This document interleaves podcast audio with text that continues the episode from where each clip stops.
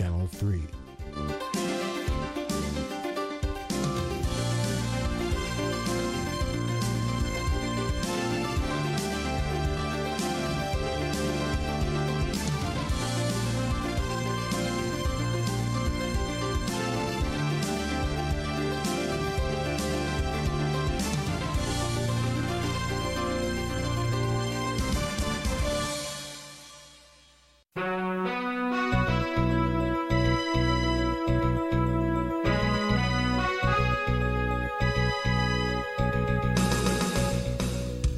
Listening to Radio Free Asia.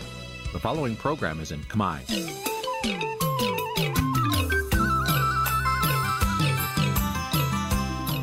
នេះជាកម្មវិធីផ្សាយវិទ្យុអាស៊ីសេរីនេះជាកម្មវិធីផ្សាយរបស់ Vithu Azisari ជាភាសាខ្មែរវិទ្យុអាស៊ីសេរីសូមស្វាគមន៍លោកអ្នកនាងទាំងអស់ពីរដ្ឋធានី Washington នៃសហរដ្ឋអាមេរិក បាទខ្ញុំបាទយ៉ងច័ន្ទដារាសូមជម្រាបសួរលោកអ្នកនាងអ្នកស្ដាប់វិទ្យុអាស៊ីសេរីទាំងអស់ជាទីមេត្រីបាទខ្ញុំបាទសូមជូនកម្មវិធីផ្សាយសម្រាប់យប់ថ្ងៃប្រហោះ8កើតខែស្រាបឆ្នាំថោះបញ្ញស័កពុទ្ធសករាជ2567បាទដែលត្រូវនឹងថ្ងៃទី24ខែសីហាគ្រិស្តសករាជ2023បាទជាដំបូងនេះសូមអញ្ជើញអស់លោកអ្នកនាងស្ដាប់ព័ត៌មានប្រចាំថ្ងៃដែលមានមេត្តាដូចតទៅ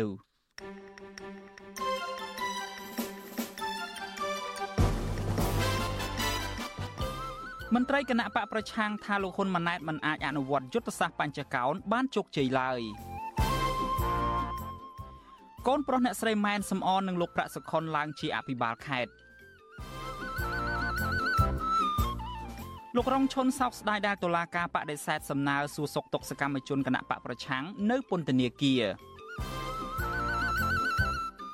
ប្រវត្តិលោកវងសោត ពីរដ្ឋមន្ត្រីល្បីខាងរំលោភសិទ្ធិមនុស្សคล้ายទៅជាអនុប្រធានទី2នៃរដ្ឋសភា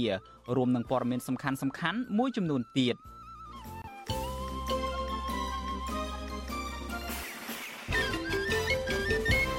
បាទជាបន្តទៅទៀតនេះខ្ញុំបាទយ៉ងច័ន្ទដារាសូមជូនព័ត៌មានទាំងនេះពឺស្ដា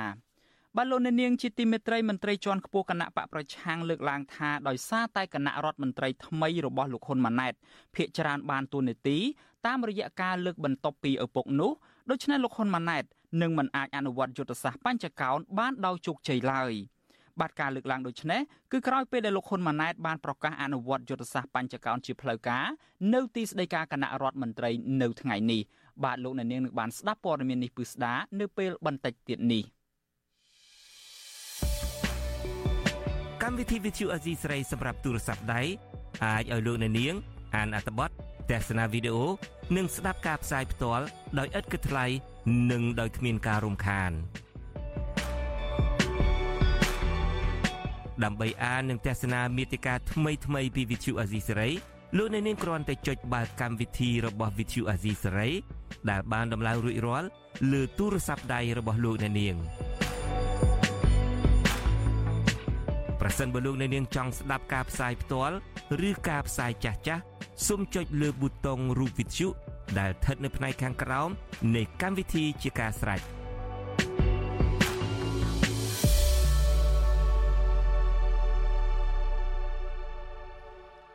បាទលោកអ្នកនាងជាទីមេត្រីដោយដែលលោកអ្នកនាងបានជ្រាបស្រាប់ហើយថាគណៈបកប្រជាជនកម្ពុជាជាពិសេសគឺលោកនាយរដ្ឋមន្ត្រីហ៊ុនសែនផ្ទាល់តែម្ដងបានរៀបចំឲ្យកូនរបស់លោកឡើងស្នងតំណែងជានាយរដ្ឋមន្ត្រីបន្តពីលោក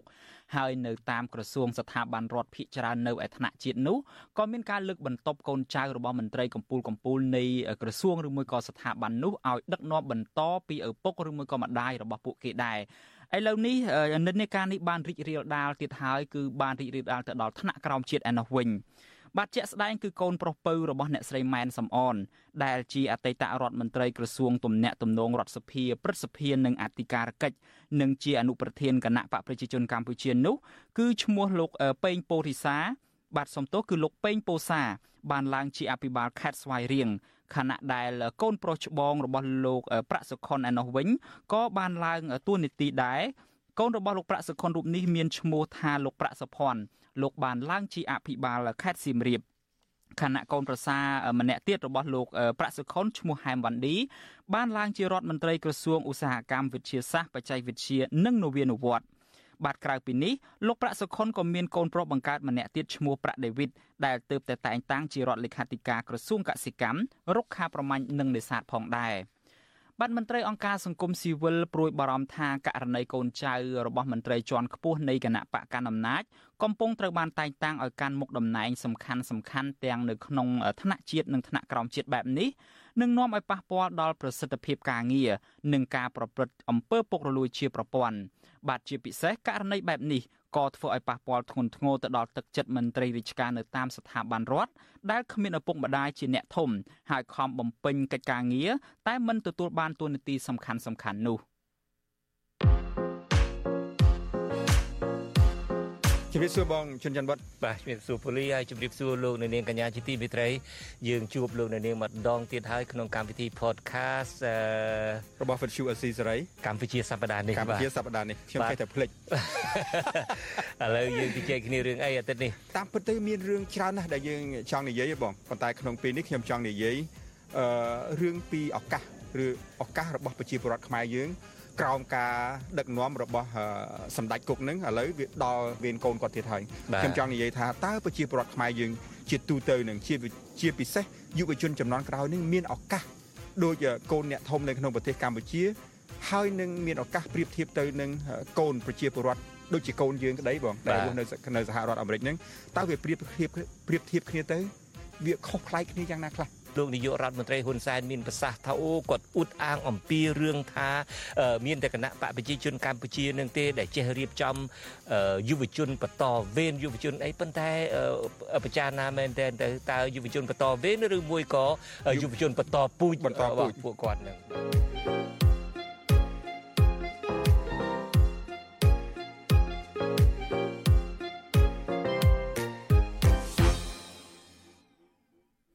បាទលោកនាងជាទីមេត្រីយើងងាកមកចាប់អារម្មណ៍ពាក់ព័ន្ធទៅនឹងរឿងសកម្មជនគណៈបកប្រឆាំងដែលកំពុងតែជាប់ឃុំឯនេះវិញ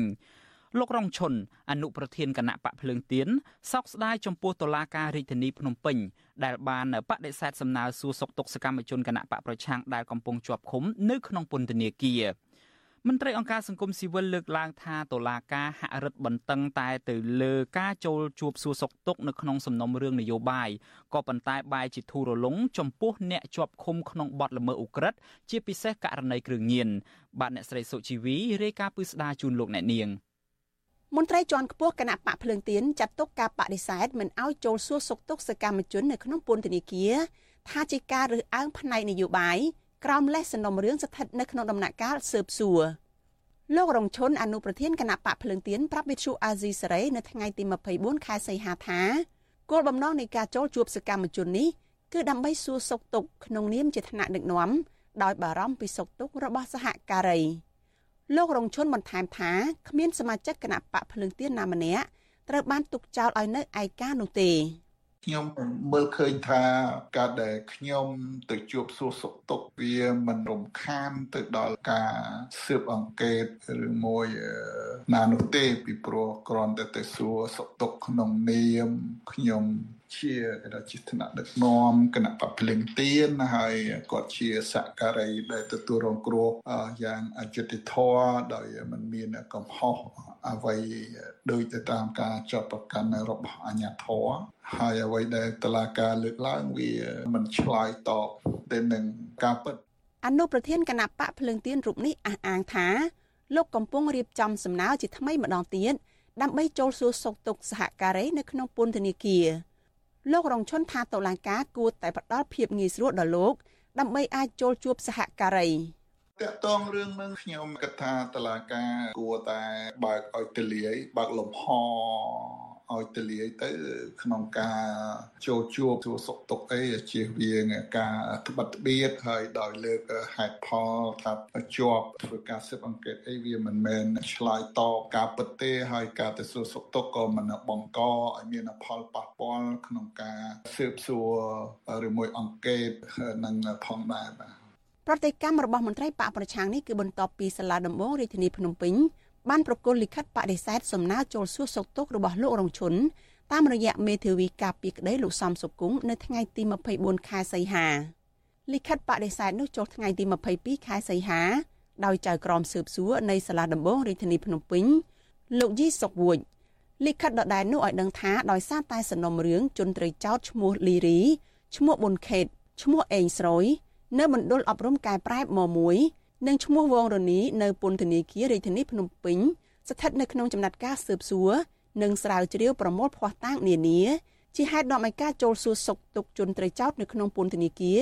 គឺអនុញ្ញាតឲ្យតែមេធាវីនិងក្រុមគ្រួសារតែប៉ុណ្ណោះលិខិតដដែលឲ្យដឹងទៀតថាអ្នកដតីផ្សេងទៀតអាចចូលសួរសុខទុក្ខបាននៅក្រៅពេលចៅក្រមបានបំពេញកិច្ចការចាំបាច់មួយចំនួនវិទ្យុអាស៊ីសេរីពុំអាចតាក់ទងแนะនាំពាក្យសាលាដំបងរាជធានីភ្នំពេញលោកអ៊ីរិន ដើម្បីសុំការបកស្រាយបន្ថែមជុំវិញបញ្ហានេះបានទេ នៅថ្ងៃទី24ខែសីហាទោះជាយ៉ាងណាអ្នកនាំពាក្យសមាគមការពារសិទ្ធិមនុស្សអាត6លោកសឹងសែនករណាមានប្រសាសន៍ថាបើសំណុំរឿងស្ថិតនៅក្នុងដំណាក់កាលស៊ើបសួរនោះការសម្រេចអនុញ្ញាតឬមិនអនុញ្ញាតឲ្យចូលសួរសុខទុក្ខជនជាប់ឃុំ គឺជាសិទ្ធិរបស់ចៅក្រមឬតុលាការលោកសង្កេតឃើញថាចំពោះសំណុំរឿងនយោបាយ ហាក់បីដូចជាមានការរឹតបន្តឹងការចូលសួរសុខទុក្ខជាងអ្នកជាប់ឃុំផ្សេងទៀតសម្បីតែអ្នកជាប់ឃុំនោះស្ថិតនៅក្នុងបទឧក្រិដ្ឋជាដើមលោកទទូចរដ្ឋាភិបាលអាណត្តិថ្មីកែលម្អប្រព័ន្ធតុលាការដើម្បីឲ្យប្រព័ន្ធយុត្តិធម៌នៅកម្ពុជារួចផុតពីចំណាត់ថ្នាក់អាក្រក់ពាក់ព័ន្ធនឹងអំពើពុករលួយ និងការរើសអើងនិន្នាការនយោបាយជាដើម។បើយើងពិនិត្យអំពីការរិះគន់ទៅដល់ប្រព័ន្ធយុតិធធរបស់យើង គឺកន្លងមកទាំងរបាយការណ៍គម្រោងឃ្លាំមើលយុតិធធពិភពលោកគេចេញដែរអំពីប្រព័ន្ធនៃយុតិធធរបស់យើងគឺមានដាប់ថ្នាក់ទៀតមែនទែនហើយដោយសារតែគេមើលឃើញអំពីបញ្ហាពាក់ព័ន្ធរឿងពុករលួយរឿងបញ្ហាផ្នែករើសអើងនយោបាយហើយការអនុវត្តទួនាទីរបស់ខ្លួននឹងមិនទាន់បានមានភាពត្រឹមត្រូវជាដើមអញ្ចឹងចំណុចទីសម្រាប់ខ្ញុំខ្ញុំទទួលចង់ឲ្យមានការពិនិត្យនិងកែលម្អឲ្យមានភាពល្អប្រសើរឡើងវិញមកដល់ពេលនេះមានសកម្មជនគណៈបកសង្គ្រោះជាតិគណៈបកភ្លើងទៀនសកម្មជនដីធ្លីនិងអ្នករិះគន់រដ្ឋាភិបាលជាង60នាក់កំពុងជាប់ឃុំនៅក្នុងពន្ធនាគារដោយសារតែការអនុវត្តសិទ្ធិសេរីភាពរបស់ខ្លួនសហគមន៍ជាតិនិងអន្តរជាតិថ្កោលទោសអាញាធរដ្ឋាភិបាលនិងអំពាវនាវឲ្យទម្លាក់ចោលរាល់បទចោទប្រកាន់ប្រឆាំងនឹងសមាជិកគណៈបកប្រឆាំងអ្នកការពារសិទ្ធិមនុស្ស និងដោះលែងពួកគេឲ្យមានសេរីភាពឡើងវិញទៅឥតលក្ខខណ្ឌដើម្បីលើកកម្ពស់ការគោរពសិទ្ធិមនុស្សនៅកម្ពុជាឡើងវិញនាងខ្ញុំសុជីវីវិទ្យុអាស៊ីសេរីពីរដ្ឋធានី Washington បាទលោកអ្នកនាងជាទីមេត្រីយើងងាកមកចាប់អារម្មណ៍ពាក់ព័ន្ធទៅនឹងវិបត្តិនយោបាយនៅប្រទេសថៃឯនេះវិញបាទវិបត្តិជាប់គាំងនយោបាយនៅប្រទេសថៃអស់រយៈពេលជាង3ខែក្រោយការបោះឆ្នោតជ្រើសតាំងតំណាងរាស្ត្រ ឥឡូវនេះរកបានដំណោះស្រាយហើយដោយប្រទេសជិតខាងកម្ពុជាមួយនេះមាននាយករដ្ឋមន្ត្រីថ្មីហើយដែលមានឈ្មោះថាសេដ្ឋាថាវិសិនមកពីគណៈបកភឿថៃបាទស្របពេលគ្នានេះដែរអតីតនាយករដ្ឋមន្ត្រីថៃលោកថាក់ស៊ីនស៊ីណាវ៉ាត់ដែលបាននិរទេសខ្លួននៅក្រៅប្រទេសអស់រយៈពេលជាង15ឆ្នាំមកហើយនោះដែលបានដើម្បីកិច្ចចេញពីសាលក្រមផ្ដន់ទោសនោះក៏បានវិលចូលប្រទេសថៃវិញហើយដែរដោយមិនខ្លាចប្រឈមមុខទៅនឹងផ្លូវច្បាប់នោះទេ បាទថាតើការវិវត្តនយោបាយថៃថ្មីចុងក្រោយនេះអាចមានផលប៉ះពាល់អ្វីខ្លះដល់ប្រទេសកម្ពុជាដែរឬទេ ជាពិសេសថាតើសកម្មជនគណៈបកប្រឆាំងដែលកំពុងសំសិទ្ធជ្រកកោននយោបាយនៅប្រទេសថៃនេះអាចនឹងមានសវត្ថភាពដែរឬទេបាទនៅពេលបន្តិចទៀតនេះលោកជីវិតានៃវិទ្យុអាស៊ីសេរីនឹងចូលខ្លួនមកបកស្រាយលម្អិតអំពីរឿងនេះដូច្នេះសូមលោកអ្នកនាងបន្តរងចាំស្ដាប់ការផ្សាយរបស់យើងរហូតដល់ទីបញ្ចប់នៅថ្ងៃនេះបាទសូមអរគុណ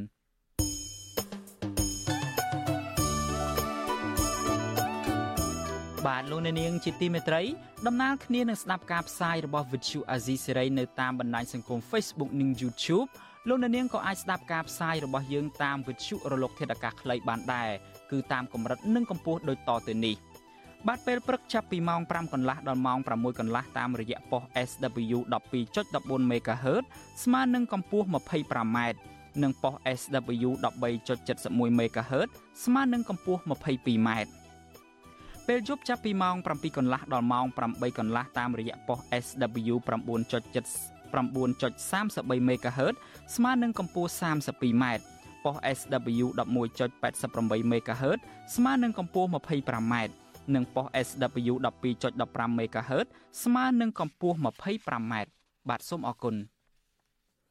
បាទលោកអ្នកនាងជាទីមេត្រីដំណើរគ្នានឹងស្ដាប់ការផ្សាយរបស់យើងតាម short wave តាម Facebook និង YouTube លោកអ្នកនាងក៏អាចស្ដាប់ការផ្សាយរបស់យើងតាមបណ្ដាញសង្គម Telegram បានដែរ អាស៊ីសេរីបានផ្សាយ Telegram តាមប្រព័ន្ធ Telegram នេះរយៈពេលប្រហែលជាជាង3ខែមកហើយដោយលោកអ្នកនាងដែលចង់ស្ដាប់ការផ្សាយរបស់យើងតាម Telegram លោកអ្នកនាងអាចចូលទៅក្នុងបណ្ដាញសង្គម Telegram ទៅហើយនៅក្នុងប្រអប់ស្វែងរកឬមួយក៏ search ហ្នឹងលោកអ្នកនាងវាយពាក្យថា RFA ខ្មែរឬមួយក៏ Virtual Azizi Serai ពេលនោះលោកអ្នកនាងនឹងបានឃើញទំព័រផ្លូវការរបស់ Azizi Serai ដែលមានសញ្ញាធីកពណ៌ខៀវជាសញ្ញាសម្គាល់ថាជា page ផ្លូវការរបស់យើង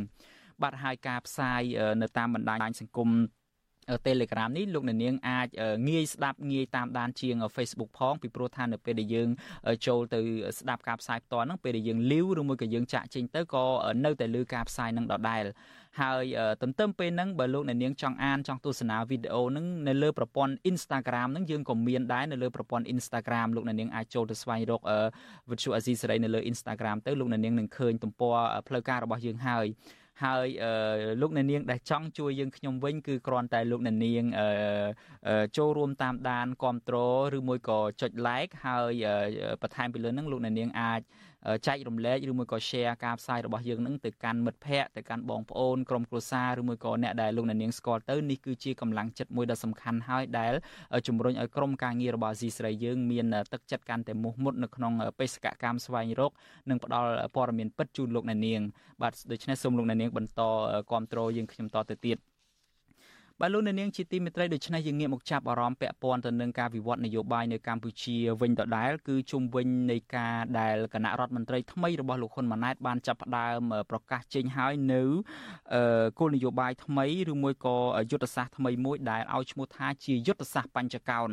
ក៏ប៉ុន្តែមន្ត្រីជាន់ខ្ពស់គណៈបកប្រឆាំងមិនទាន់ជឿជាក់ទេថាលោកហ៊ុនម៉ាណែតនឹងអាចអនុវត្តនៅយុទ្ធសាស្ត្របញ្ចកោណនេះបានដោយជោគជ័យពីព្រោះតែគេមើលឃើញថាគណៈរដ្ឋមន្ត្រីថ្មីនេះគឺកើតចេញពីការលើកបន្ទប់របស់ថ្នាក់ដឹកនាំនៃគណៈបកប្រជាជនកម្ពុជាដែលធ្លាប់គ្រប់គ្រងកម្ពុជាអស់រយៈពេលជិត40ឆ្នាំមកហើយនោះ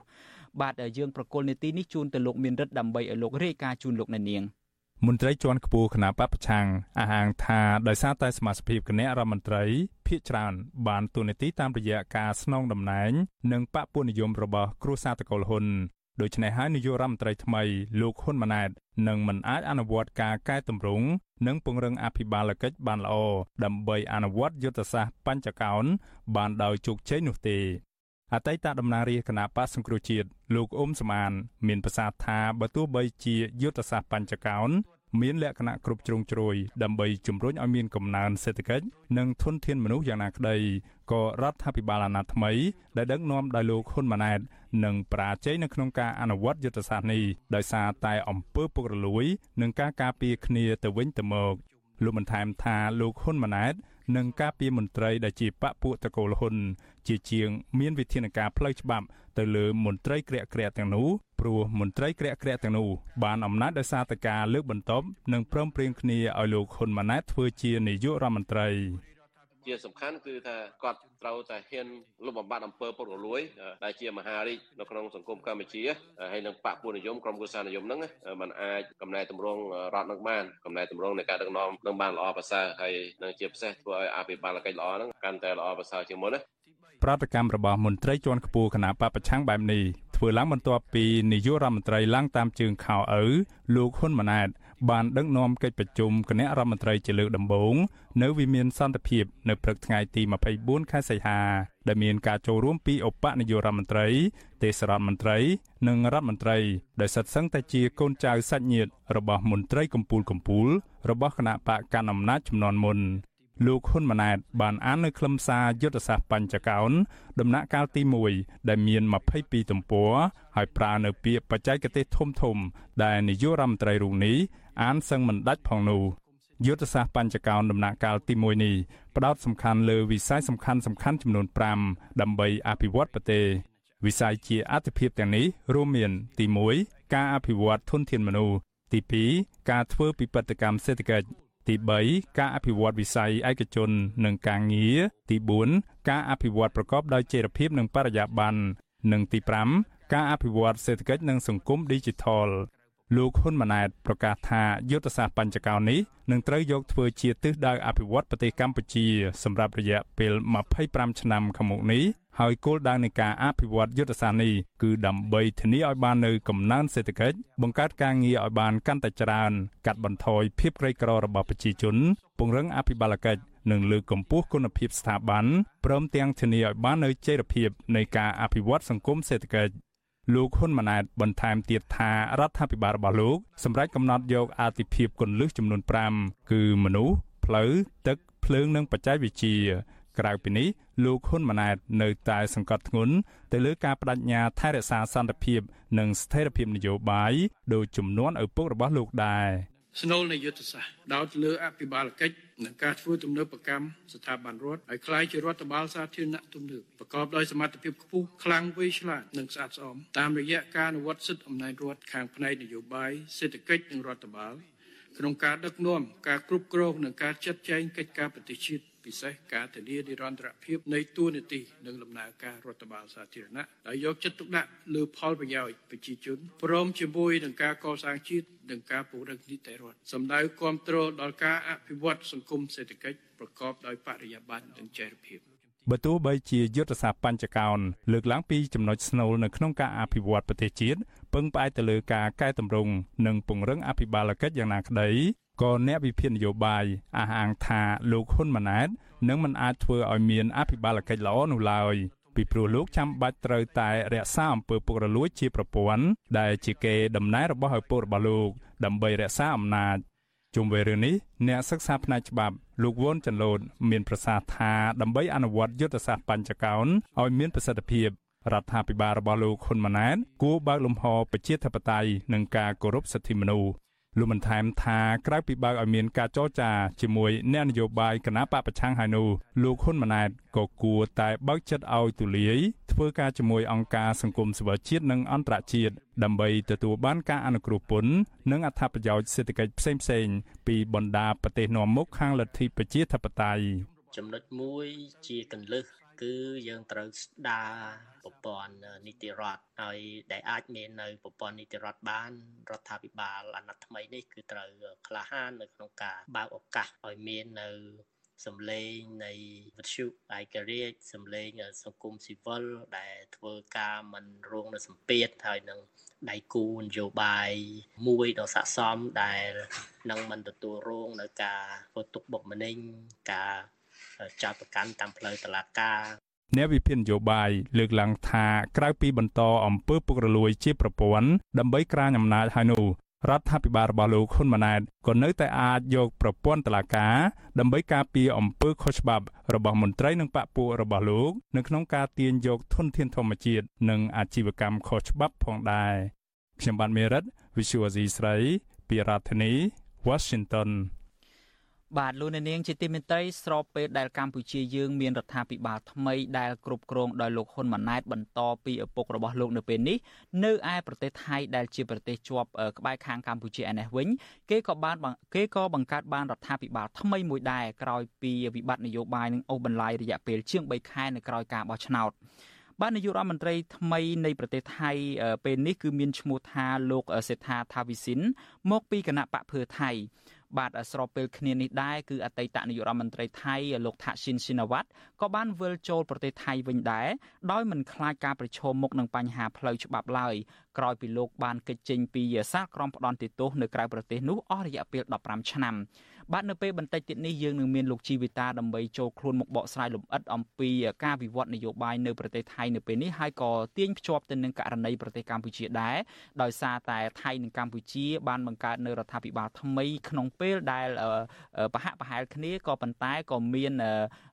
ទស្សនវិជ្ជានឹងផ្សេងគ្នាដែរគឺមួយបន្តពីឪពុកមួយគឺជាប់ឆ្នោតដោយការបោះឆ្នោតផ្ដាល់សេចក្តីទុកចិត្តពីសភាហើយនិងប្រជាជនប្រទេសថៃនឹង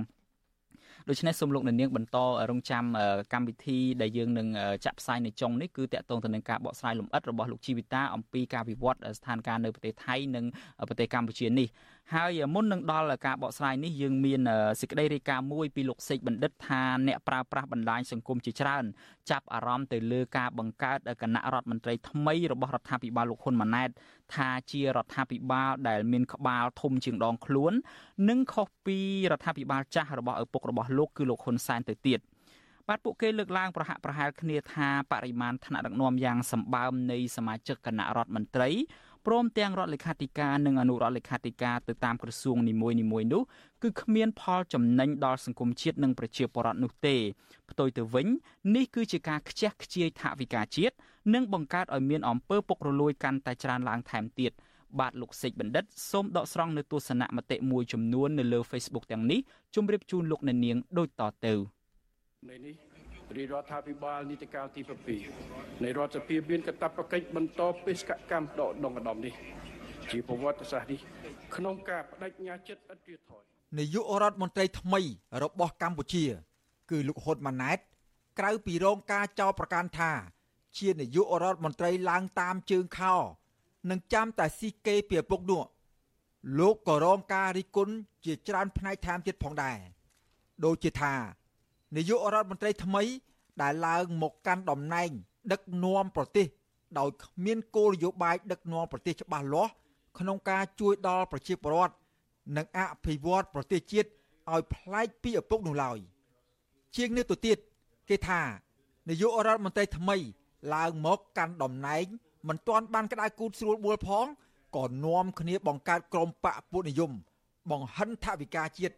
តាមរយៈការបង្កើតក្បាលម៉ាស៊ីនយ៉ាងធំសម្បើមនៃគណៈរដ្ឋមន្ត្រីថ្មីរបស់លោកការដំឡើងក្បាលម៉ាស៊ីនដឹកនាំដ៏ធំសម្បើមបែបនេះធ្វើឲ្យរដ្ឋាភិបាលមួយ គឺមានភាពចម្លែកភាពចម្លែកនោះត្រង់ថា ប្រទេសនៅលើពិភពលោកភាគច្រើនគេមិនដែលធ្វើអញ្ចឹងទេ ជាពិសេសចម្លែកជាង ប្រទេសជិតខាងរបស់ខ្លួនទៅទៀតដូចជាប្រទេសថៃជាដើមដែលមានពលរដ្ឋប្រមាណ72លាននាក់ តែរដ្ឋធម្មនុញ្ញប្រទេសថៃនេះបានកំណត់ចំនួនសមាជិកគណៈរដ្ឋមន្ត្រីមិនឲ្យលើសពីចំនួន35នាក់នោះឡើយតាក់ទងនឹងរឿងនេះម្ចាស់ករណី Facebook មួយ ដែលដាក់ឈ្មោះថាយុទ្ធជនបូព៌ាបានសរសេរនៅលើទំព័ររបស់ខ្លួនដោយដាក់ចំណងជើងឌឺដងឲ្យរដ្ឋាភិបាលលោកហ៊ុនម៉ាណែតថារដ្ឋាភិបាលក្បាលធំគាត់សរសេរបន្តថារដ្ឋាភិបាលក្បាលធំចេញដំណើរហើយ វាជាដំណើរនៃការបំផ្លាញធនធានជាតិប្រជាពលរដ្ឋខ្មែរត្រូវបង្កើនការបងពុនត្បិតរដ្ឋាភិបាលក្បាលធំ កើនចំនួនមន្ត្រីដល់ទៅជាង1000នាក់ដោយមិនទាន់គិតបញ្ចូលទាំងទីប្រឹក្សា និងជំនួយការផងនោះទេ នៅមានការតែងតាំងបន្ថែមទៀតបូករួមទាំងទីប្រឹក្សា និងជំនួយការផងនោះ ចំនួនសរុបអាចកើនឡើងដល់ទៅប្រមាណ3000នាក់នោះ ចំណែកម្ចាស់កេរនី Facebook មួយទៀតឈ្មោះថាសឹមជឿងបានដកស្រង់នៅចំនួនមន្ត្រី តាំងពីថ្នាក់កម្ពូល រហូតដល់ថ្នាក់រដ្ឋលេខាធិការ និងអនុរដ្ឋលេខាធិការគឺថាមានចំនួនជាង1500នាក់ម្ចាស់កេរនី Facebook រូបនេះ បានបញ្ចេញទស្សនៈថាពលរដ្ឋរកស៊ីរាល់ថ្ងៃចិញ្ចឹមតែមន្ត្រីដោយឡែកម្ចាស់ករណី Facebook ផ្សេងមួយទៀតឈ្មោះអង្គវាសនា បានខមមិនបន្តថា ក្បាលធំខួរខ្សោយ ចំណែកម្ចាស់ករណី Facebook ឈ្មោះណារិតសួនក៏បានសរសេររិះគន់ស្រដៀងគ្នានេះដែរថាធំតែមៀតប្រហោងក្នុងអត់ន័យអត់ខ្លឹមសាររីឯម្ចាស់ករណី Facebook មួយទៀតឈ្មោះថាណារិតវ៉ាន់ក៏បានខមមិនបន្តជុំវិញរឿងនេះដែរថារដ្ឋាភិបាលក្បាលធំគ្មានពីរលើលោក នោះ មិនទាន់រាប់ទាំងទីប្រឹក្សានិងជំនួយការផងដោយឡែកម្ចាស់ករណី Facebook ផ្សេងមួយចំនួនទៀតក៏បានបញ្ចេញទស្សនៈជុំវិញរឿងរដ្ឋាភិបាលក្បាលធំនេះដែរពួកគាត់បានសរសេររិះគន់ថារដ្ឋាភិបាលក្បាលកាន់តែធំពីមួយថ្ងៃទៅមួយថ្ងៃចង្រៃប្រើប្រាស់ធនធានជាតិអស់កាន់តែច្រើនឡើងច្រើនឡើងម្ចាស់ករណី Facebook ឈ្មោះយុវជនស្នេហាជាតិខេត្តសៀមរាប បានសរសេររិះគន់ជុំវិញរឿងនេះដែរថារដ្ឋាភិបាលក្បាលធំខ្លួនតូចនាំឲ្យខាតបង់ថវិកាជាតិចំណែកម្ចាស់ករណី Facebook ឈ្មោះវ៉ាន់ហូសរសេរតបយ៉ាងខ្លីថា ធ្វើយ៉ាងនេះដើម្បីស្អំបេះដូងទប់អំណាចដោយឡែកម្ចាស់ករណី Facebook ផ្សេងមួយចំនួនទៀតដែលដាក់ឈ្មោះថាឈាមជ័រជនបដិវត្តបានខមមិនជុំវិញរឿងនេះដែរថា នេះគេហៅថារដ្ឋាភិបាល មានជំងឺដក់ទឹកក្នុងខួរក្បាល បានជាធ្វើឲ្យក្បាលនេះចេះតែធំទៅធំទៅអញ្ចឹងចំណែកម្ចាស់កេរនី Facebook ឈ្មោះព្រះបេតុលាលីវប៉ៃបានប្រៀបធៀបប្រទេសខ្មែរទៅនឹងប្រទេសថៃថា ខ្មែរ16លាននាក់មាននាយករដ្ឋមន្ត្រី មន្ត្រីរដ្ឋលេខាធិការ និងអនុរដ្ឋលេខាធិការសរុបចំនួនជាង1500នាក់ ប៉ុន្តែថៃ72លាននាក់មាននាយករដ្ឋមន្ត្រីរដ្ឋលេខាធិការនិងអនុរដ្ឋលេខាធិការសរុបត្រឹមតែ35រូបប៉ុណ្ណោះគឺក្បាលម៉ាស៊ីនរដ្ឋាភិបាលខ្មែរច្រើនជាងថៃ44ដង នេះបានហៅថាប្រទេសតូចបេះដូងធំ ចំណែកម្ចាស់ករណី Facebook ឈ្មោះគណៈបកកែតម្រង់កម្ពុជាតកែវបានបញ្ចេញទស្សនៈស្រដៀងគ្នានេះដែរថា ប្រទេសណា ដែលមានរដ្ឋាភិបាលក្បាលធំពលរដ្ឋនៃប្រទេសនោះនឹងរងទុក្ខធំដោយឡែកអ្នកសិក្សាពីបញ្ហាសង្គមក៏មើលឃើញជុំវិញរឿងនេះដែរថាកំណើនសមាជិកភាពមន្ត្រីរដ្ឋាភិបាលបានកើនឡើងពីមួយអាណត្តិទៅមួយអាណត្តិដោយសារការសម្របសម្រួលនិងការសម្បទានផ្នែកនយោបាយច្រើនជាងតម្រូវការនិងចំនួនប្រជាជននៅក្នុងប្រទេស គេក៏សម្គាល់ឃើញទៀតថា បើទោះបីជាមានមន្ត្រីរដ្ឋាភិបាលច្រើន តែបញ្ហាប្រជាពលរដ្ឋនិងប្រទេសជាតិមួយចំនួនមិនត្រូវបានដោះស្រាយនោះទេដោយសារមន្ត្រីខ្លះអសមត្ថភាព ខ្លះទៀតបំរើតែផលប្រយោជន៍បកពួករបស់ខ្លួនតែប៉ុណ្ណោះចំណែកបញ្ហាកាន់តែចាក់ស្រេះនៅក្នុងសង្គមដូចជាអំពើពុករលួយ ការរំលោភសិទ្ធិមនុស្សបញ្ហានីតិរដ្ឋឬក៏បញ្ហានីតិរដ្ឋភាពជាដើម ការដោះស្រាយ មិនសូវជាមានប្រសិទ្ធភាពប្រមាណនោះទេនាពេលកន្លងមកនោះជាមួយគ្នានេះក៏គេមើលឃើញទៀតថា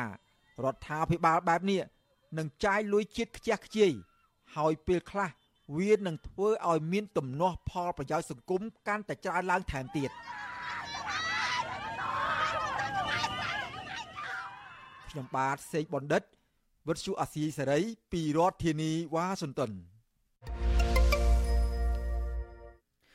បាទលោកអ្នកនាងជាទីមេត្រីនៅក្នុងកម្មវិធីផ្សាយរបស់វិទ្យុវិទ្យុអាស៊ីសេរីនៅពេលនេះយើងនឹងណែនាំលោកអ្នកនាងឲ្យស្គាល់ប្រវត្តិពិតរបស់អតីតរដ្ឋមន្ត្រីមួយរូបដែលជាប់កំអែលខ្មែរក្រហមហើយដែលធ្លាប់គំរាមវាយប្រើគល់ឫស្សីដើម្បីវាយសម្ពងក្បាលប្រជាពលរដ្ឋប្រសិនបើហ៊ានតវ៉ារឿងសัญลักษณ์ឆ្នោតនោះ រដ្ឋអតីតរដ្ឋមន្ត្រីរូបនោះគឺលោកវងសោតហើយថាតើលោកវងសោតគាត់មានប្រវត្តិបែបណា ហើយនឹងថាតើលោកអាចនឹងក្លាយជាអនុប្រធានទី2នៃរដ្ឋសភានៅពេលនេះអាចនឹងជួយលើកកម្ពស់សិទ្ធិមនុស្សនិងប្រព័ន្ធច្បាប់នៅកម្ពុជាយ៉ាងដូចម្តេចខ្លះបាទយើងប្រកុលនីតិនេះជូនទៅលោកលេងម៉ាលីដើម្បីឲ្យលោករាយការណ៍ពិស្ដារជូនលោកអ្នកនាងអំពីប្រវត្តិរបស់លោកវងសោតដូចតទៅ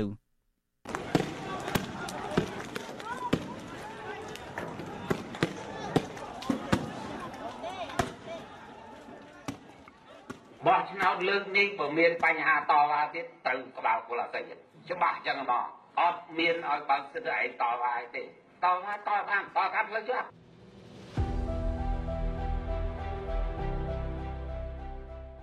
ស្ថិតក្នុងវ័យ67ឆ្នាំរដ្ឋមន្ត្រីក្រសួងសង្គមគិច្ចអតីតយុទ្ធជន និងយុវនីតិសម្បទាលោកវងសោតដែលទទួលបានភាពល្បីល្បាញ ដោយសារការគម្រាមប្រើគល់ឫស្សីវាយអ្នកណាដែលហ៊ានតវ៉ាលទ្ធផលបោះឆ្នោត កាលពីមុនពេលបោះឆ្នោតឆ្នាំ2017នោះត្រូវបានលោកហ៊ុនសែនពេញចិត្តពេញថ្លើមប្រកាសជ្រើសរើសកាលពីថ្ងៃទី9សីហាធ្វើជាអនុប្រធានទី2នៃរដ្ឋសភាក្នុងអាណត្តិទី7នេះ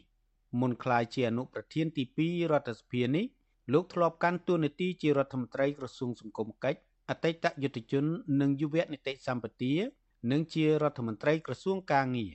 លោកកើតនៅថ្ងៃទី3ខែមីនា ឆ្នាំ1956លោកបានរៀបការជាមួយអ្នកស្រីហេងពៅ ដែលជាកូនស្រីរបស់លោកហេងសំរិនចំពោះប្រវត្តិនៃការសិក្សារបស់លោកវងសោតមិនដែលត្រូវបានផ្សព្វផ្សាយជាសាធារណៈនោះឡើយ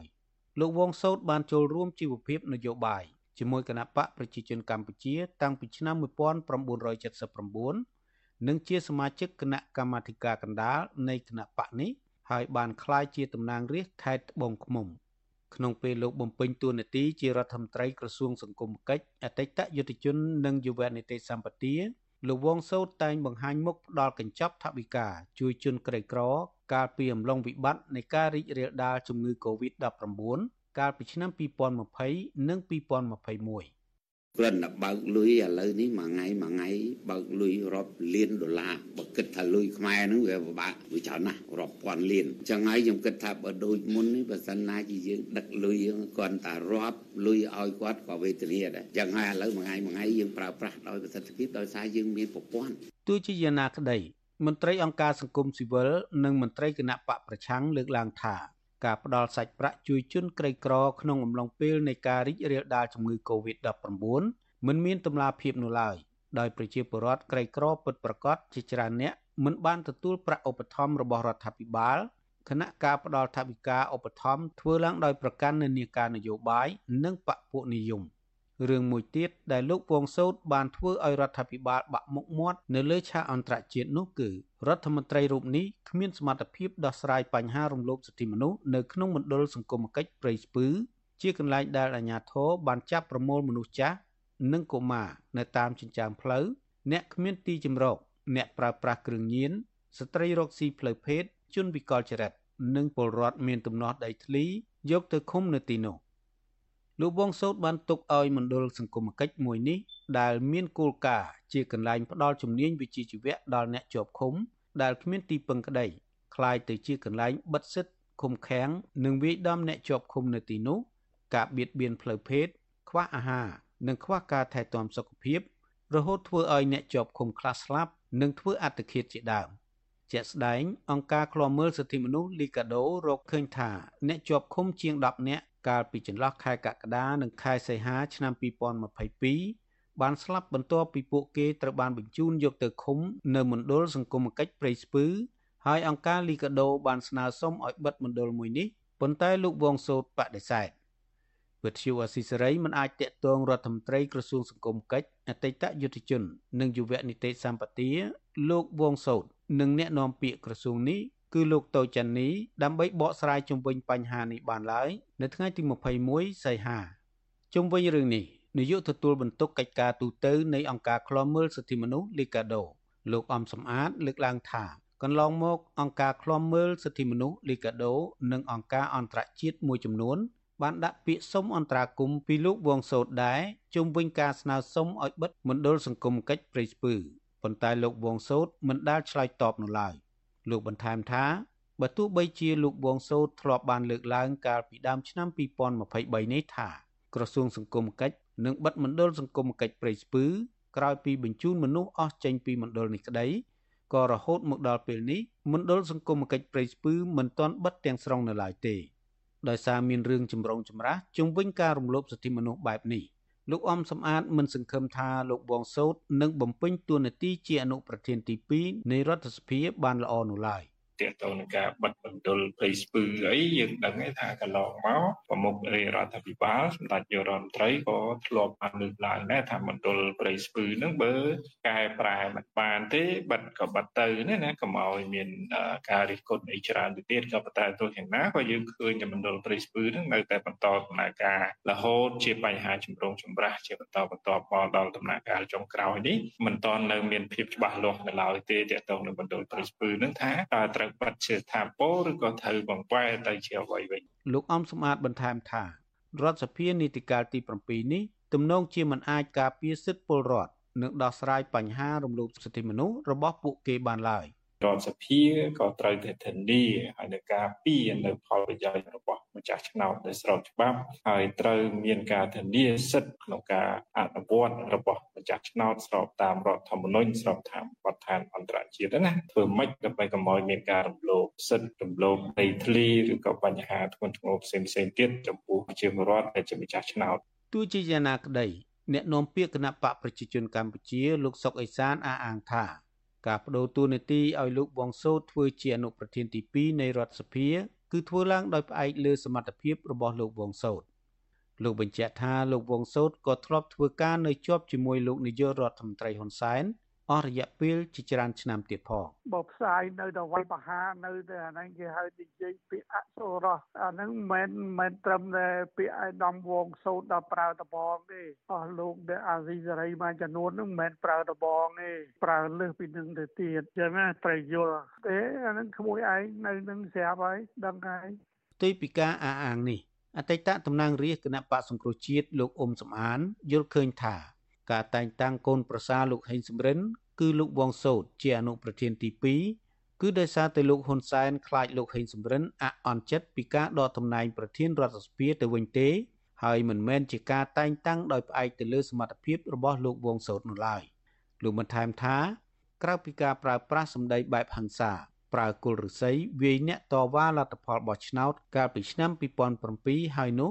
លោកវងសោតក៏មិនបានបំពេញតួនាទីជារដ្ឋមន្ត្រីក្រសួងសង្គមគិច្ចបានល្អនោះទេព្រោះអតីតយោធាជាច្រើនអ្នកដែលចាស់ជរានិងមានពិការភាពពីការធ្វើសង្គ្រាមជាច្រើនអ្នកមិនត្រូវបានក្រសួងនេះគាំពៀននោះឡើយគណៈប្រជាពលរដ្ឋក្រីក្រ និងអតីតយុទ្ធជនភៀកច្រើនបែរជារងគ្រោះដោយសារការធ្វើដីសម្បត្តិសង្គមគិច្ចទៅវិញទេ។ លោកវងសូនបាត់នៅធ្វើការខាងការងាររបស់គាត់នឹងសង្គមកិច្ចអតីតយុវជននឹងឃើញបានជួយទៅដល់អតីតយុវជនសង្គមកិច្ចនឹងគឺមិនបានជួយទៅគាត់ដល់បានធ្វើម៉េចឲ្យអាចរស់បានផងអ្នកខ្លះគាត់ទៅហ៊ានដាច់ដៃទៅដាច់ជើងនឹងទៅដើរទៅសុំទានគេហ្នឹងតែស្រុកគេទៅហ៊ានអញ្ចឹងកាលណាអតីតយុវជនពិការអញ្ចឹងគឺចិញ្ចឹមអស់មួយយុទ្ធមិនបាច់ធ្វើការទេស្រុកនេះគាត់មិនបានយកចិត្តទុកដាក់ហ្នឹងយកចិត្តទុកដាក់ទៅលើតែគូអ្នកធំគូអ្នកធំបានតំណែងសត្វកាយអាយុក្មេងៗហ្នឹងហើយដល់អ្នកតស៊ូដាច់ដៃដាច់ជើងតស៊ូតាមព្រំដែនថៃព្រំដែនអីហ្នឹងអ្នកតស៊ូការសម័យទសវត្ស80អីហ្នឹងมันបានឡើងធំទេទោះជាយ៉ាងណាក្តីមន្ត្រីគណៈបកប្រឆាំងលើកឡើងថាការដែលលោកហ៊ុនសែនដកទូនាទីពីរដ្ឋមន្ត្រីក្រសួងសង្គមគិច្ចអតីតយុទ្ធជននិងយុវនីតិសម្បទាពីលោកវងសោតឲ្យទៅលោកជាសមេធាដែលជាកូនលោកជាស៊ីមហើយផ្ដល់ទូនាទីជាអនុប្រធានទី2នៃរដ្ឋសភាឲ្យលោកវងសោតនេះ គឺជាការកាត់បន្ថយឥទ្ធិពលនយោបាយរបស់លោកវងសោតទៅវិញទេព្រោះតំណែងអនុប្រធានទី2នៃរដ្ឋសភាមិនមានសិទ្ធិអំណាចអ្វីឡើយទោះជាយ៉ាងណាក៏ដោយចុះក្រៅតែជាថ្នាក់ដឹកនាំមួយរូបនៃរដ្ឋសភាលោកវងសោតក៏ជាតំណាងរាស្ត្រឲ្យប្រជាជាតិខ្មែរទាំងមូលដែលមានភារកិច្ចធ្វើច្បាប់ឲ្យស្របតាមរដ្ឋធម្មនុញ្ញតាមដានត្រួតពិនិត្យការអនុវត្តច្បាប់របស់រដ្ឋាភិបាល និងក៏ហៅមន្ត្រីរដ្ឋាភិបាលរួមទាំងនាយករដ្ឋមន្ត្រីផងមកឆ្លើយបំភ្លឺបញ្ហាប្រទេសជាតិជូនប្រជាពលរដ្ឋខ្មែរជ្រាបគេនៅរងចាំមើលថាតើលោកវងសូនអាចបំបែកភារកិច្ចនិងកាតព្វកិច្ចរបស់ខ្លួន បានត្រឹមត្រូវដែរឬទេខ្ញុំបាទលេងម៉ាលីវិទ្យុអេស៊ីសេរី Washington បាទលោកអ្នកនាងជាទីមេត្រីដូចខ្ញុំបាទបានជម្រាបជូនពីខាងដើមកម្មវិធីហើយថានៅថ្ងៃនេះយើងមានការបកស្រាយលម្អិតអំពីការវិវត្តស្ថានភាពនយោបាយនៅប្រទេសថៃហើយដោយភ្ជាប់ទៅនឹងករណីប្រទេសកម្ពុជាដែរហើយនៅពេលនេះយើងមានអ្នករាយការណ៍ដ៏ឆ្នើមមួយរូបនៃវិទ្យុអាស៊ីសេរីនិងជាសមាជិកថ្នាក់ដឹកនាំយើងផងគឺលោកជីវិតាដើម្បីលោកជីវិតាឡើងបកស្រាយលម្អិតអំពីរឿងនេះបាទសម្បត្តិសូមជម្រាបសួរលោកជីវិតាបាទជម្រាបសួរតារាបាទហើយសម្រាប់ជម្រាបសួរលោកអ្នកនាងនិងស្វាគមន៍លោកអ្នកនាងទាំងអស់ជាទីមេត្រីបាទ បាទលោកអ្នកនាងជាទីមេត្រីលោកជីវិតាដូចខ្ញុំបាទបានធ្លាប់ជម្រាបជូនហើយលោកបានតាមដានស្ថានភាពនយោបាយនៅប្រទេសថៃយ៉ាងដិតដល់ហើយនៅពេលដែលយើងសម្ភាសលោកកាលពីលើកមុននោះគឺយើងបានសន្យាជាមួយលោកអ្នកនាងហើយថានៅពេលដែលប្រទេសថៃមានការវិវត្តស្ថានភាពនយោបាយប្រែប្រួលយ៉ាងណានោះយើងនឹងអញ្ជើញលោកជីវិតាដើម្បីលោកឡើងមកបកស្រាយហើយឥឡូវនេះពិតជាមានការប្រែប្រួលមែននៅប្រទេសថៃគេបង្កើតរដ្ឋាភិបាលថ្មីបានហើយស្របពេលដែលករណីនៅប្រទេសកម្ពុជានឹងក៏បានបង្កើតរដ្ឋាភិបាលហើយដែរ ដូច្នេះចំណុចចាប់ផ្ដើមជាដំបូងនេះចង់ឲ្យលោកជីវិតា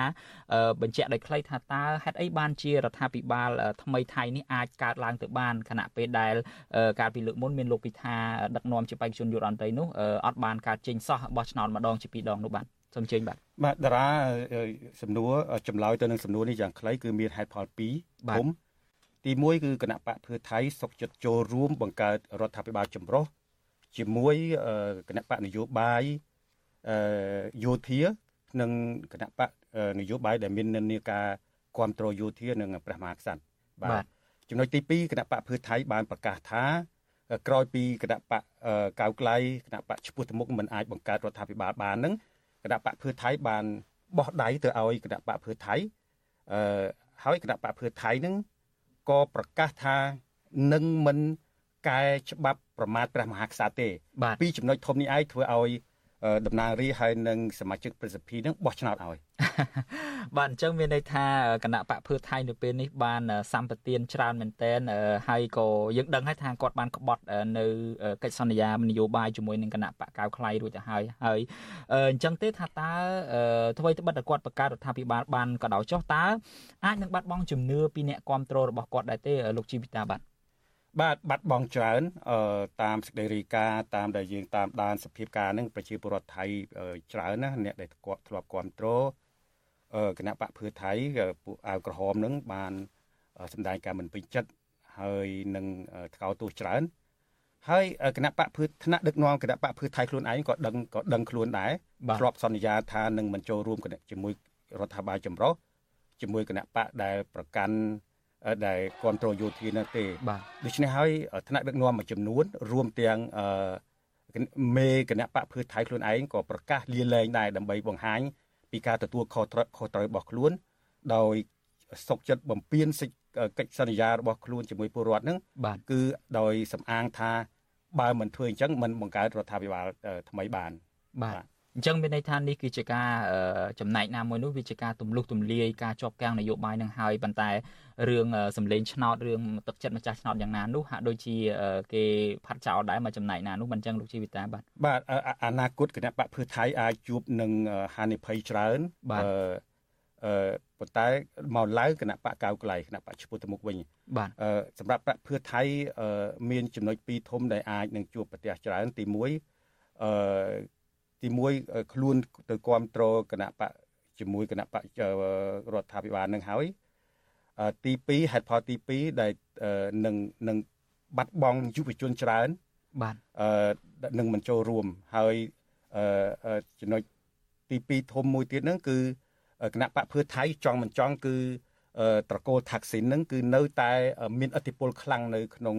គណៈបកនេះ ដូច្នេះនៅពេលដែលមានអធិបុលខ្លាំងរបស់ពីត្រកូលថាក់ស៊ីនគ្រួសារថាក់ស៊ីនហ្នឹងហើយលោកថាក់ស៊ីនទៅមកដល់ស្រុកថៃទៀតគេជឿថាចង់ចង់ទៅមុខហ្នឹងថាក់ស៊ីននឹងមានអធិបុលលើហ្នឹងដូច្នេះយុវជនច្រើនបាននឹងងាកចេញពីគណៈបកភឿថៃទៅរកគណៈបកកៅក្លាយបាទអរគុណលោកជីវិតាហើយដែលយើងបានជជែកគ្នាកាលពីលើកមុនណាថា បើគណៈបកភឿថៃពិតជាទីបំផុតទៅអាចបង្កើតរដ្ឋាភិបាលបានមែននោះគឺប្រកាសជាណាគឺថាលោកនាយករដ្ឋមន្ត្រីហ៊ុនសែននិងរបបដឹកនាំថ្មីនឹងរដ្ឋាភិបាលថ្មីដែលនឹងទើបបង្កើតនឹងប្រកាសជាផ្អែមមាត់តិចហើយពីព្រោះថាមានតំណែងតំណងស្និទ្ធជាមួយនឹងតកូលលោកថាក់ស៊ីននឹងឯងហើយមុនគាត់មកស្រុកថៃវិញហ្នឹងយើងក៏បានឃើញដែរថាគាត់ទៅជួបធ្វើខួបកំណើត birthday អីជាមួយគ្រួសារលោកយុរដ្ឋមន្ត្រីផងហាក់ដូចជាមានតំណែងតំណងល្អណាស់អឺដូច្នេះខ្ញុំចង់សួរលោកជីវិតាចំណុចនេះមួយវិញអឺ លោកអឺសេដ្ឋាថាវិសិនដែលពីដើមមកយើងដូចជាមិនដែលឮឈ្មោះគាត់ដូចជាមិនដែលឃើញពីភាពសកម្មរបស់គាត់អីប្រហែលដែរហ្នឹងថាតើគាត់មានប្រវត្តិយ៉ាងណាលោកជីវិតាអាចជម្រាបជូនដោយខ្លីបានទេបាទលោកសេដ្ឋាទ្វីសិនលោកមានអាយុ60ឆ្នាំលោកជាអ្នកជំនួញផ្នែកអចលនទ្រព្យនៅក្នុងប្រទេសថៃបាទហើយលោកក៏មានការគ្រប់គ្រងស្រឡាញ់ធនធានធម្មជាតិចំណុចខ្លាំងរបស់គាត់មួយ សម្រាប់អ្នកការពារបរិស្ថានហ្នឹងគឺលោកស្រឡាញ់ព្រៃឈើការពារធនធានធម្មជាតិហើយអឺគោលនយោបាយរបស់លោកហ្នឹងលេចធ្លោមួយរបស់គណៈបកភឿថៃហ្នឹងអឺគឺការជួយលុយ10000បាត digital wallet ហ្នឹងមែនទេ digital wallet digital money បញ្ចូលលុយទៅក្នុងប្រព័ន្ធ digital តាមទូរស័ព្ទដៃហ្នឹងសម្រាប់ប្រជាពលរដ្ឋថៃទាំងអស់ដែលមានអាយុចាប់ពី16ឆ្នាំឡើងទៅ គឺឲ្យតែម្ដងហ្នឹងឯង ហើយអាលុយនៅក្នុងនៅតាមរយៈ digital system ហ្នឹងប្រព័ន្ធហ្នឹងគឺអាចទិញទំនិញរបស់របរនៅក្នុងតំបន់នៅក្នុងតំបន់របស់ខ្លួន បានទំនិញដែលគេផ្គូផ្គុំនៅទៅនឹងទឹកលុយហ្នឹងបាទបាទប៉ុន្តែ មានការរិះគន់ច្រើនថាតើអាចទៅរួចឬអត់ព្រោះបានលុយពីណាព្រោះបូកសរុបទៅរាប់ពាន់លានបាតអឺ បកភឿថៃថានឹងយកលុយនឹងចេញពីពន្ធដាររបស់ប្រជាជននឹងឯងតាមបាទស្តៀងនឹងគ្នានៅសហរដ្ឋអាមេរិកលោកអឺលោកប្រធានាធិបតីโจ Biden នឹងមករយៈមកនឹងមកកូវីដនឹងអាផ្ដល់លុយឲ្យធ្វើឲ្យគណៈបកជំទាស់ប្រឆាំងនឹងរិះគន់លោកច្រើនបាទលោកជីវិតាសុំសួរមួយម៉ាត់ដោយខ្លីចំណុចនេះមួយដែរ គាត់នឹងពិតជាស្រឡាញ់ធម្មជាតិពិតជាមានឆន្ទៈការពារអញ្ចឹងមែនឬមួយមិនបើយើងករណីកម្ពុជាយើងអ្នកដឹកនាំយើងប្រកាសថាស្រឡាញ់ស្រឡាញ់ការពារអញ្ចឹងមិនដែលប្រៃឈើហិនហោចឲ្យដីសម្បត្តិទៅក្រុមហ៊ុនពេញណាពេញណីតើគាត់អញ្ចឹងដែរទេមើលទៅស្រឡាញ់តែមាត់ទេឬមួយយ៉ាងម៉េចមើលទៅបាទអឺមិនដឹងដែរយើងចាំមើលទាំងអស់គ្នាក៏ប៉ុន្តែនៅក្នុងប្រទេសថៃយ៉ាងហោចណាស់គឺគេអនុញ្ញាតឲ្យប្រព័ន្ធច្បាប់ប្រព័ន្ធច្បាប់នឹងរត់ធ្វើ ការខ្លួនឯងយើងខុសគ្នានឹងប្រទេសកម្ពុជាដែលការដឹកនាំផ្អែកទៅលើមនុស្សម្នាក់ឬក៏មនុស្សមួយក្រុមបាទនៅលើមាត់លោកយុរដ្ឋមន្ត្រីហ៊ុនសែនអតីតលោកយុរដ្ឋមន្ត្រីហ៊ុនសែនគាត់អតីតហើយមិនមែនទេពេលនេះគឺលោកនាយករដ្ឋមន្ត្រីហ៊ុនម៉ាណែតអឺលោកជីវិតាខ្ញុំចាប់អារម្មណ៍ចំណុចនេះមួយអឺដោយសារតែការកើតរដ្ឋាភិបាលថ្មីហ្នឹងគឺសពេលហ្នឹងគឺប្រហាក់ប្រហែលគ្នាមែនតែនប៉ុន្តែយើងចាប់អារម្មណ៍មួយហើយជានិន្នាការមួយនៅលើ Facebook ដែរគឺគេរិះគន់អំពីរឿងនៅកម្ពុជានេះ ប្រជាជនមានតែប្រហែលជា17លានទេសមាជិកគណៈរដ្ឋមន្ត្រីបើយើងរាប់ត្រឹមតែរដ្ឋមន្ត្រីចុះណាអឺទាំងអស់ហ្នឹងវា54នាក់នៅរដ្ឋលេខាធិការអនុរដ្ឋលេខាធិការទីប្រឹក្សាហើយប្រតិភូអីផ្សេងផ្សេងទៀតរាប់ពាន់អ្នកទៀតឥឡូវនេះហើយនៅក្នុងក្រសួងមួយមួយរដ្ឋមន្ត្រីមួយមួយត្រូវមានជំនួយការទីប្រឹក្សាផ្ទាល់ជាលក្ខណៈខ្លួនឯងផងនឹងក្រសួងទៀតអញ្ចឹងអាចនឹងមនុស្សរាប់ពាន់អ្នកទៀតជាមន្ត្រីនយោបាយដែលតែងតាំងនៅឯស្រុកថៃឯនោះវិញ ប្រជាជនគេជាង70លាននាក់ហើយសមាជិកគណៈរដ្ឋមន្ត្រីត្រូវបានកំណត់មិនអោយលើសពី35ទេបើខ្ញុំមិនច្រឡំទេតើលោកអាចប្រៀបធៀបបានទេឆ្លុំចាំងបន្តិចបានទេចំណុចនេះតើយ៉ាងម៉េចវិញបាទអំពីរឿងប្រសិទ្ធភាពការងារអីហ្នឹងមើលទៅបាទហ្នឹងហើយអឺនិយាយពីចំនួនតារាបានសួរឲ្យឆ្លើយខ្លួនឯងអស់ហើយអឺគឺនៅក្នុងប្រទេសថៃមានចំនួនប្រជាពលរដ្ឋនឹងជាង772លាននាក់បាទរដ្ឋធម្មនុញ្ញថៃឆ្នាំ2007ហ្នឹងគេកំណត់ថា គណៈគណៈរដ្ឋមន្ត្រីមិនអោយមានច្រើនជាង35នាក់ទេបាទដូច្នេះបើយើងប្រៀបធៀបនៅកម្ពុជា គឺយើងមានប្រមាណជាង16លាននាក់ហើយគេចិត្ត72លាននាក់គឺខុសគ្នាច្រើនបាទឡើងជា2 3ដងហើយខុសគ្នា បាទបាទដូច្នេះរដ្ឋាភិបាលថៃគេអឺហេតុអីបានគេកំណត់អញ្ចឹងគឺគេមិនចង់ឲ្យអំណាចនឹងប្រមូលផ្ដុំនៅតែក្នុងទីក្រុងទេបាទ នៅកន្លែងមិនដុលឋានៈជាតិនេះទេគេចង់ឲ្យអំណាចចង់ឲ្យឋានៈដឹកនាំអ្នកដែលជាប់ឆ្នោតដោយពលរដ្ឋនឹងគឺទៅខំប្រឹងប្រែងធ្វើការនៅក្នុងឲ្យគៀកប្រជាពលរដ្ឋនៅមុខតាមមូលដ្ឋាន ទាំងមន្ត្រីជំនាញទាំងថវិកានឹងគឺទៅផ្ដល់ទៅឲ្យហើយកម្ពុជាយើងមានច្បាប់មានហើយយូរយារមកហើយច្បាប់វិមជ្ឈការឬសហវិមជ្ឈការនឹងគឺចង់ផ្ដល់អំណាច ផ្ទេនៅការងារហើយនឹងលុយទៅឲ្យដល់គ្រប់មូលដ្ឋានបាទបាទហើយនឹងឲ្យអំណាចមូលដ្ឋានក្នុងការប្រមូលពន្ធដារអីអីចែកចាយប្រើប្រាស់មូលដ្ឋានយ៉ាងទៅប៉ុន្តែនៅកម្ពុជាហាក់ដូចមិននៅតែមិនសូវដំណើរការបានល្អបាទបាទត្រូវឲ្យលោកជីវិតានៅទីបំផុតទៅហាក់ដូចជាអំណាចទាំងអស់ គោលនយោបាយច្បាប់បង្កើតឡើងដើម្បីធ្វើវិមជ្ឈការអំណាចធ្វើ decentralize អំណាចហ្នឹងទៅថ្នាក់ក្រោមប៉ុន្តែនីតិបំផុតទៅយូរយូរអំណាចហ្នឹងប្រមូលផ្ដុំមកនៅលើទាំងអស់វិញអ្វីក៏ដោយចោះគឺថាត្រូវតែសម្រេចពីអតីតលោកយុរដ្ឋមន្ត្រីហ៊ុនសែនហើយការសម្បិតការតវ៉ាការសម្ដែងមតិរបស់ប្រជាពលរដ្ឋហ្នឹងក៏លែងអាចធ្វើនៅខេត្តអីបានដែរប្រជាពលរដ្ឋហ្នឹងមានបញ្ហាអីគឺនាំគ្នាទៅមកទៅទីក្រុងហ្នឹងឯងចង់បន្ថែមចំណុចមួយទៀតនៅកម្ពុជាយើងឃើញទាំងអស់គ្នាហើយ រដ្ឋាភិបាលថ្មី ដឹកនាំដោយលោកហ៊ុនម៉ាណែតនេះគឺគឺជាការរៀបចំរបស់ពួកគាត់ក្នុងការរៀបចំគណៈរដ្ឋមន្ត្រីនេះឲ្យឲ្យមានច្រើននេះគឺគឺជាការយកចិត្តច្រើន បាទយកចិត្តអ្នកទាំងនោះកុំឲ្យមានការប្រេះឆាគ្នានៅបន្តគ្រប់គ្រងលោកហ៊ុនម៉ាណែតតទៅទៀតបាទ លោកជីវិតាមានប្រសាសន៍ហ្នឹងក៏ខ្ញុំឃើញដែរប្រហែលថ្ងៃនេះយើងឃើញទាំងអស់គ្នាហើយគឺថាមានការសម្រុកតែងតាំងហើយជាមន្ត្រីនយោបាយហ្នឹងពេញណាពេញណីហើយសម្បីតែអុកញ៉ាឡើងទៅជាអ្នកអុកញ៉ាហ្នឹងក៏មានសន្ទុះខ្លាំងដែរក្នុងរយៈពេលប្រហែលថ្ងៃនេះហាក់ដូចជាព្យាយាមយកចិត្តមែនតើដើម្បីឲ្យអ្នកគ្រប់គ្នាហ្នឹងគឺថាទទួលយកឬមួយក៏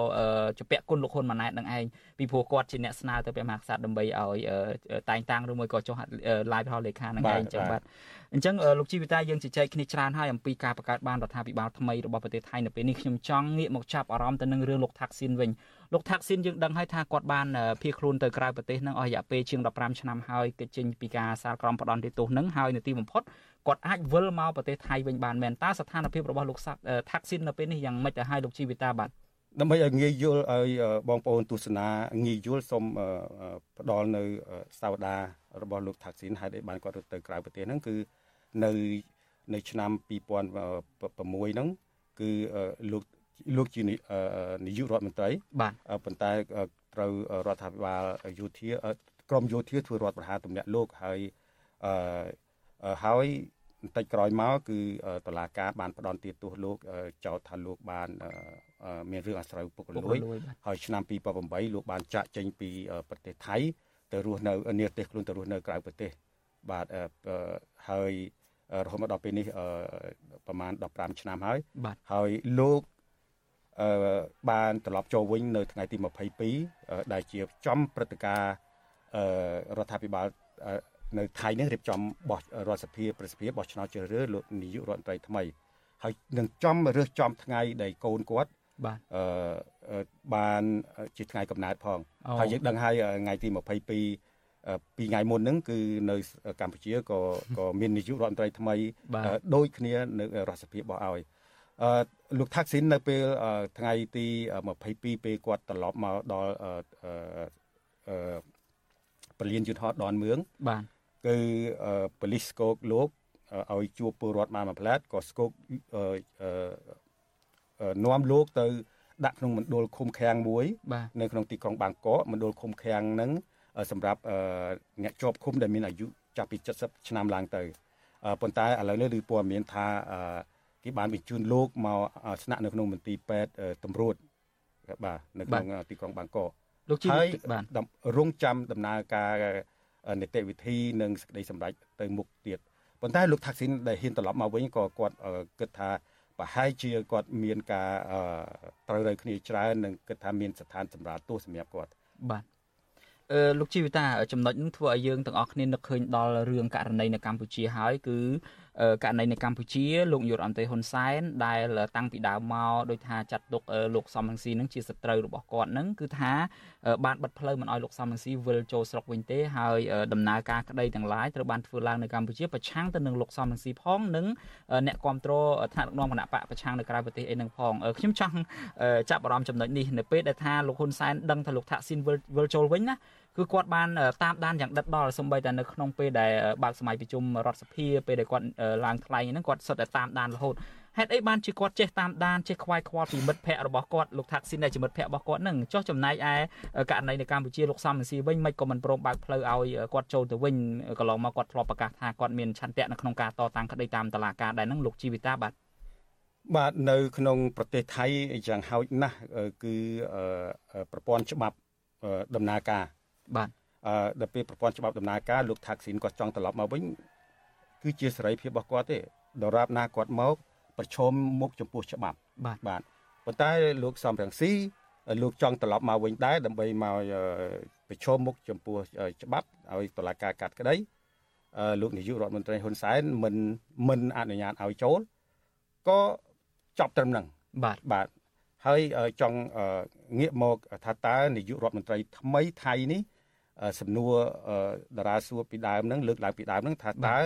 អឺពលរដ្ឋខ្មែរនៅក្នុងប្រទេសថៃនិងជាពិសេសពួកអឺក្រមប្រឆាំងនឹងយ៉ាងអឺអាចអឺវាសនាអនាគតរបស់គាត់អឺយ៉ាងណាដែរបាទអឺមានអឺចំណុចល្អនិងមិនល្អល្អត្រង់ថាអឺនាយករដ្ឋមន្ត្រីថៃដែលដែលដឹកនាំរដ្ឋាភិបាលចម្រុះដែលមានគណៈបក10អ្នក10បកផ្សេងទៀតហ្នឹងគឺជាគណៈបកភឿថៃដែលធ្លាប់រងគ្រោះដោយសារ ការធ្វើរដ្ឋប្រហាររបស់ពួកយោធាអូដូច្នេះអានេះអាចជាចំណុចល្អគាត់គិតអាចមានសមានចិត្តចំពោះបកប្រឆាំងខ្មែរនៅនៅថៃបាទអឺប៉ុន្តែដែលមិនល្អនោះគឺក្នុងរដ្ឋាភិបាលចម្រុះហ្នឹងគឺមានគណៈបកយោធាដែរដែលកាន់ក្រសួងមួយចំនួនដែរបាទហើយចំណុចទី2គឺលោកថាក់ស៊ីនហ្នឹងអឺមកនេះយើងដឹងហើយលោកថាក់ស៊ីនហើយនឹងលោកនាយករដ្ឋមន្ត្រីហ៊ុនសែនអឺលោកអឺនាយករដ្ឋមន្ត្រីហ៊ុនសែនធ្លាប់អឺជាជាជាមិត្តស្និទ្ធស្នាលអឺ នឹងគ្នាដូច្នេះយើងមើលមិនឃើញដែរថាតើនៅពេលលោកអឺហ៊ុនសែនលោកហ៊ុនម៉ាណែតស្នើឲ្យចាប់បញ្ជូនបកប្រឆាំងអីទៅខ្មែរវិញយើងមិនដឹងថាលោកថាក់ស៊ីននិងក្រុមបកភឿថៃរបស់គាត់ដែលកំពុងដឹកនាំរដ្ឋាភិបាលថៃហ្នឹងអាចនឹងយល់ព្រមដែរឬអត់ទេដើម្បីយកចិត្តឬក៏សងគុណអឺរដ្ឋាភិបាលខ្មែរបាទឬឬលោកហ៊ុនសែន បាទអរគុណលោកជីវិតាច្រើនអឺដែលបានរៀបរាប់យ៉ាងលម្អិតអឺអំពីករណីវិវត្តនយោបាយនៅប្រទេសថៃនឹងហើយនឹងភ្ជាប់ទៅនឹងប្រទេសកម្ពុជាហើយយើងក៏នឹងអឺរងចាំមើលតទៅទៀតដែរថាតើអឺរឿងសវត្ថភាពរឿងសុខទុក្ខរបស់ក្រុមអ្នកនយោបាយគណៈបកប្រឆាំងកម្ពុជាដែលរត់ភៀសខ្លួនសុំសិទ្ធិជ្រកកោននៅប្រទេសថៃនឹងថាតើស្ថានភាពអឺពួកគាត់យ៉ាងណាដែរអឺ